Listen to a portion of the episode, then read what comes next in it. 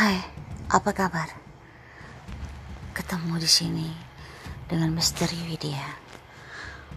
Saya akan bercerita tentang banyak hal, tapi kali ini saya akan bercerita tentang dunia jin, dunia manusia, dunia yang tak kasat mata.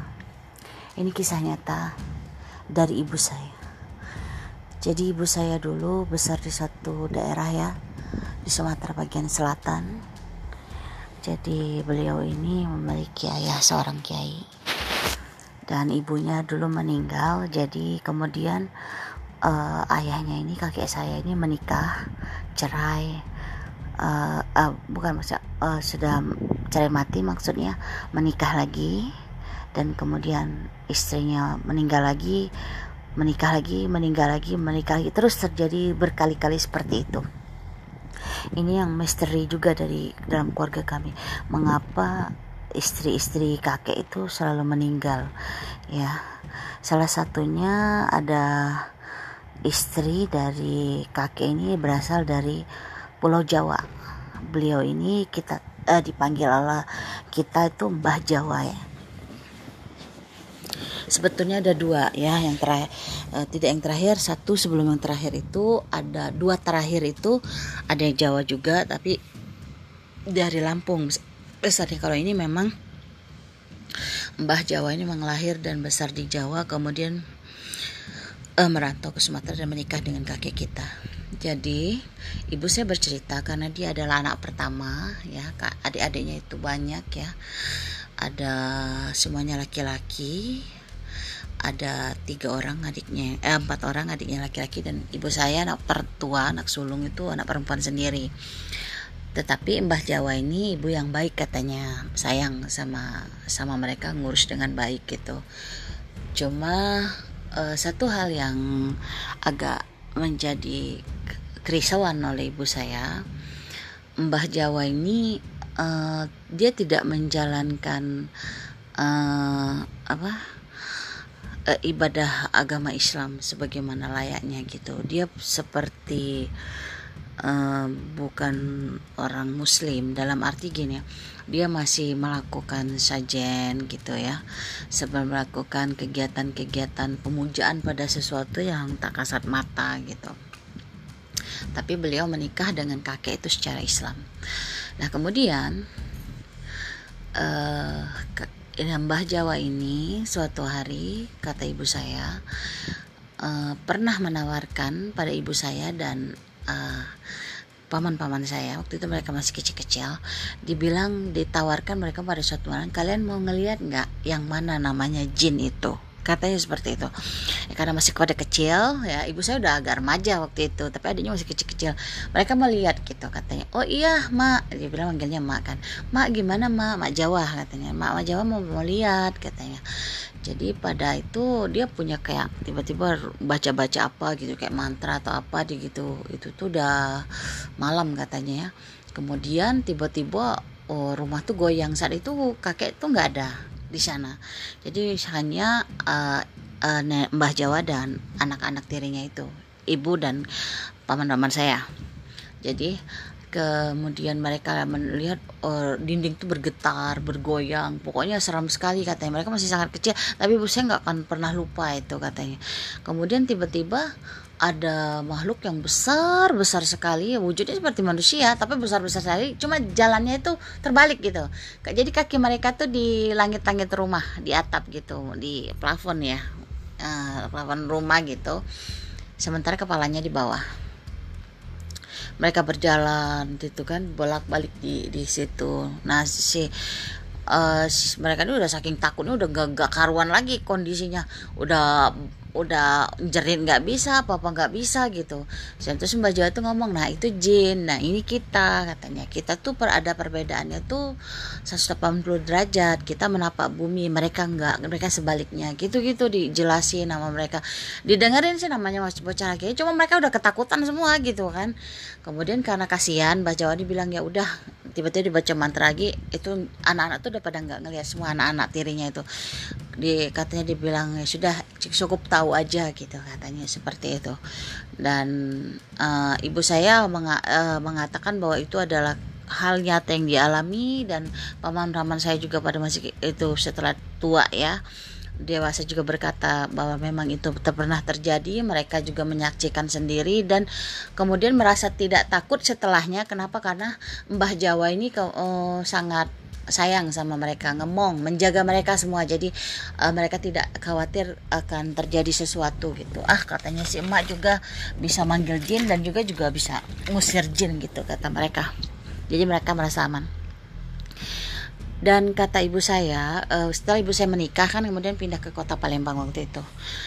Dan Mbah Jawa sama uh, paman-paman saya masih di, berada di situ. Tapi dua paman saya jadi polisi satunya agak jauh berada di situ dan satunya lagi berada di Jambi. Jadi yang ada di situ adalah paman kita yang nomor empat ya nah, nah nomor empat. Jadi ibu saya ada paman saya kedua ketiga dan keempat ya paman saya yang keempat. Yang yang, yang terakhir tuh kecil bungsu. Udah dia udah senang main ke mana-mana. Tapi yang empat ini sedikit uh, lebih akrab kemudian sama Mbah Jawa itu. Nah, Mbah ini uh, katanya baik sama uh, paman saya yang keempat ini.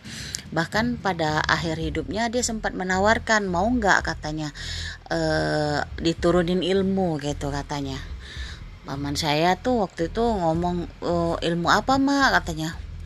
Ya mak ada ilmu katanya. Kamu kalau harus diturunkan kalau nggak diturunkan mak nggak bisa mati katanya gitu kan. Jadi hmm, paman saya yang keempat ini bingung. Ya karena didikan agama kuat dari kakek saya meski kakek saya seorang kiai dia menikahi uh, wanita seperti mbah dia tahu tapi seperti apa ya ya udahlah namanya istri dicerai juga nggak gimana dia juga baik sama anak-anak berharap uh, kakek itu mbah ini berubah gitu. Tapi uh, sampai detik uh, terakhir hidupnya dia tidak berubah dia tetap menyembah sesuatu yang bukan Allah. Jadi uh, uh, paman saya yang nomor empat ini diminta untuk uh, menerima turunan ilmunya. Paman saya saat itu ingat uh, mbah mbah Jawa tuh udah sakit parah gitu. Tapi dia bilang mbah uh, ma aku nggak bisa terima katanya ilmu mbak terus dia ngomong kayak gini diam atau diam kemudian mbah tuh ya katanya mah nggak marah tapi kamu serahkan uh, nanti uh, kamu ngelakuin ini ya set, kalau emak meninggal katanya. Uh, ngelakuin apa mak uh, kamu gongseng ke, ke uh, daun kacang hijau da, ah, bukan daun kacang biji kacang hijau. Itu digongseng dikuali tanpa minyak. Kemudian dikasih jarum apa gitu. Pokoknya yang adalah ritual yang disebutkan ke paman saya itu ikat pakai kain. Nah kemudian pada saat mak dikubur nanti masukkan itu ke dalam liang lahat. Atau ini mak tertanam sama mak tuh di itu mbah itu termak di dalam di dalam tanah maksudnya. Dikubur di dalam tanah nah kayak gitu oh baik mak kata paman saya nomor 4 kemudian paman saya keluar nggak lama kemudian sore itu asar uh, Mbah ini meninggal. Kemudian si Mbah ini meninggal tuh katanya kondisi juga gelap. Dia nggak tahu kalau meninggal. Cuma dia paman pulang, mak mak gitu. Udah udah dingin Mbah itu katanya. Kemudian ya dikuburkan tapi secara Islam. Kemudian setelah dikuburkan, paman ini melakukan apa yang diminta diamanahkan oleh Mbah Jawa digongseng lah kacangnya sebagai itu kacang dan kasih apa mm, uh, jarum dan sebagainya kemudian diikat kain putih. Dan pada saat kuburan uh, mak tuh mau ditutup ditaruhlah dilemparkanlah kain tersebut. Dan semua melihat kain itu masuk ke dalam. Masuk ke dalam uh, di dalam sekali kan kalau kuburan orang-orang tuh kan di daerah tuh kan dalam sekali ya dimasukkan ke dalam dan kemudian timbun uh, kayu kemudian timbun uh, tanah-tanah. Nah nggak lama kemudian uh, orang sempat nanya kenapa itu? Apa itu tuh amanah mak Jawa? katanya dari Mbak Jawa. Orang nggak nggak nggak bertanya. Sekitar tiga bulan atau enam bulan ya saya lupa. Kemudian tiba-tiba datang dari dari Jawa katanya seorang laki-laki dia mengatakan bahwa dia adalah anak si Embah. Jadi Embah ini dulu memang janda, dia bercerai sama suaminya di Jawa. dia titipkan anaknya dengan uh, apa orang tuanya dan kemudian dia merantau ke berbagai tempat terakhir ke ke Sumatera bagian selatan dan dinikahi kemudian oleh kakek saya yang saat itu duda karena istrinya meninggal ya nah anak dari mbah ini bercerita dia uh, seperti kesurupan sekitar uh, dia sebutkan sekitar mulai kapan gitu katanya tanggal sekian bul uh, bulan bulan sekian berarti itu bulan kematian Mbah Jawa kan uh, bulan sekian katanya udah terjadi apa uh, kegelisahan dalam hidup dia. Dia seperti uh, dihantui pikiran untuk mencari ibunya. Padahal dia udah nggak ketemu ibunya itu dari kecil dan dia udah nggak ingat lagi uh, wajah ibunya. Cuma dia kasih ingat na nama ibunya. Dia keliling hampir seluruh Indonesia mencari ibunya bahkan katanya sampai ke Papua. Dan terakhir itu dia bisa nyampe uh, entah gimana ada yang menuntunnya mengatakan bahwa katanya di ada yang mengatakan uh, rekanan apa teman ibunya di masa mengatakan itu di Sumatera dia di posisi ini coba kamu cari. Nah dia dia di situ. Dan kemudian dicari nama nenek itu kan kan dia kan uh, orang dari Jawa ya. Cepat mungkin orang kasih tahu oh ya itu bekas istrinya uh, Kiai Anu misalnya. Cuma dia udah uh, meninggal gitu. Dicari. Jadi ketemu sama paman saya yang nomor 4 ketemu saudara-saudara uh, kami keluarga-keluarga kami. Dia mengatakan saya ingin minta ditunjukkan ibu saya kuburan ibu saya katanya. Nah kemudian dibawa lah ke kuburan ibunya itu ke kuburan Mbah Jawa. Itu udah berbulan-bulan kan. Dan uh, percaya atau tidak kata paman saya mengatakan. Paman tuh nggak mengatakan sesuatu apa pun bahwa uh, ibu kamu meng, uh, menitipkan amanah bahwa gini gini gini kamu harus uh, saya harus disuruh ini ini ritual ini uh, ngikat kain ini gongseng kacang ini. Enggak paman tuh nggak sempat bercerita itu bahkan karena terburu-buru pengen ke kuburan. Seperti orang yang benar-benar dikejar sesuatu kegelisahannya saya harus cepat. Katanya saya harus bermi saya bermimpi terus. Katanya ibu saya yang ada seorang wanita menyuruh saya katanya cepat ke kuburan saya cari ke kuburan ibu saya. Akhirnya ya dibimbing ke situ dan itu si anaknya Mbah Jawa tuh cuma colek-colek ini doang. Ke di kuburan itu cuma colek-colek tangannya pakai jarinya itu colek-colek tanah kuburan. Enggak menggali juga sama sekali tidak melakukan apa mencolek-colek berapa colek kemudian keluar dia bisa tarik kain di situ dari tanah itu. Dan itu benar-benar bikin lemas paman saya yang nomor 4 dan juga keluarga di situ yang tahu ceritanya. Itu adalah uh, kain yang beri itu berisi amanah dari Mbah Jawa gongsengan kacang hijau dan sebagainya tadi dilempar pada saat itu di dalam kuburan itu di dekat mayat itu. Jadi udah ditutup kayu ditutup segala yang sangat dalam. Bagaimana bisa cuma dicolek-colek pakai tangan pakai jari itu bisa keluar gitu. Dan kemudian sudah ketemu itu dia langsung pulang katanya. Tetapi sempat ditanya sama pemen itu apa? katanya. Saya bilang uh, dia ngomong dia sempat bertanya tuh kepada neneknya gitu. Di katanya itu ilmu turunan katanya.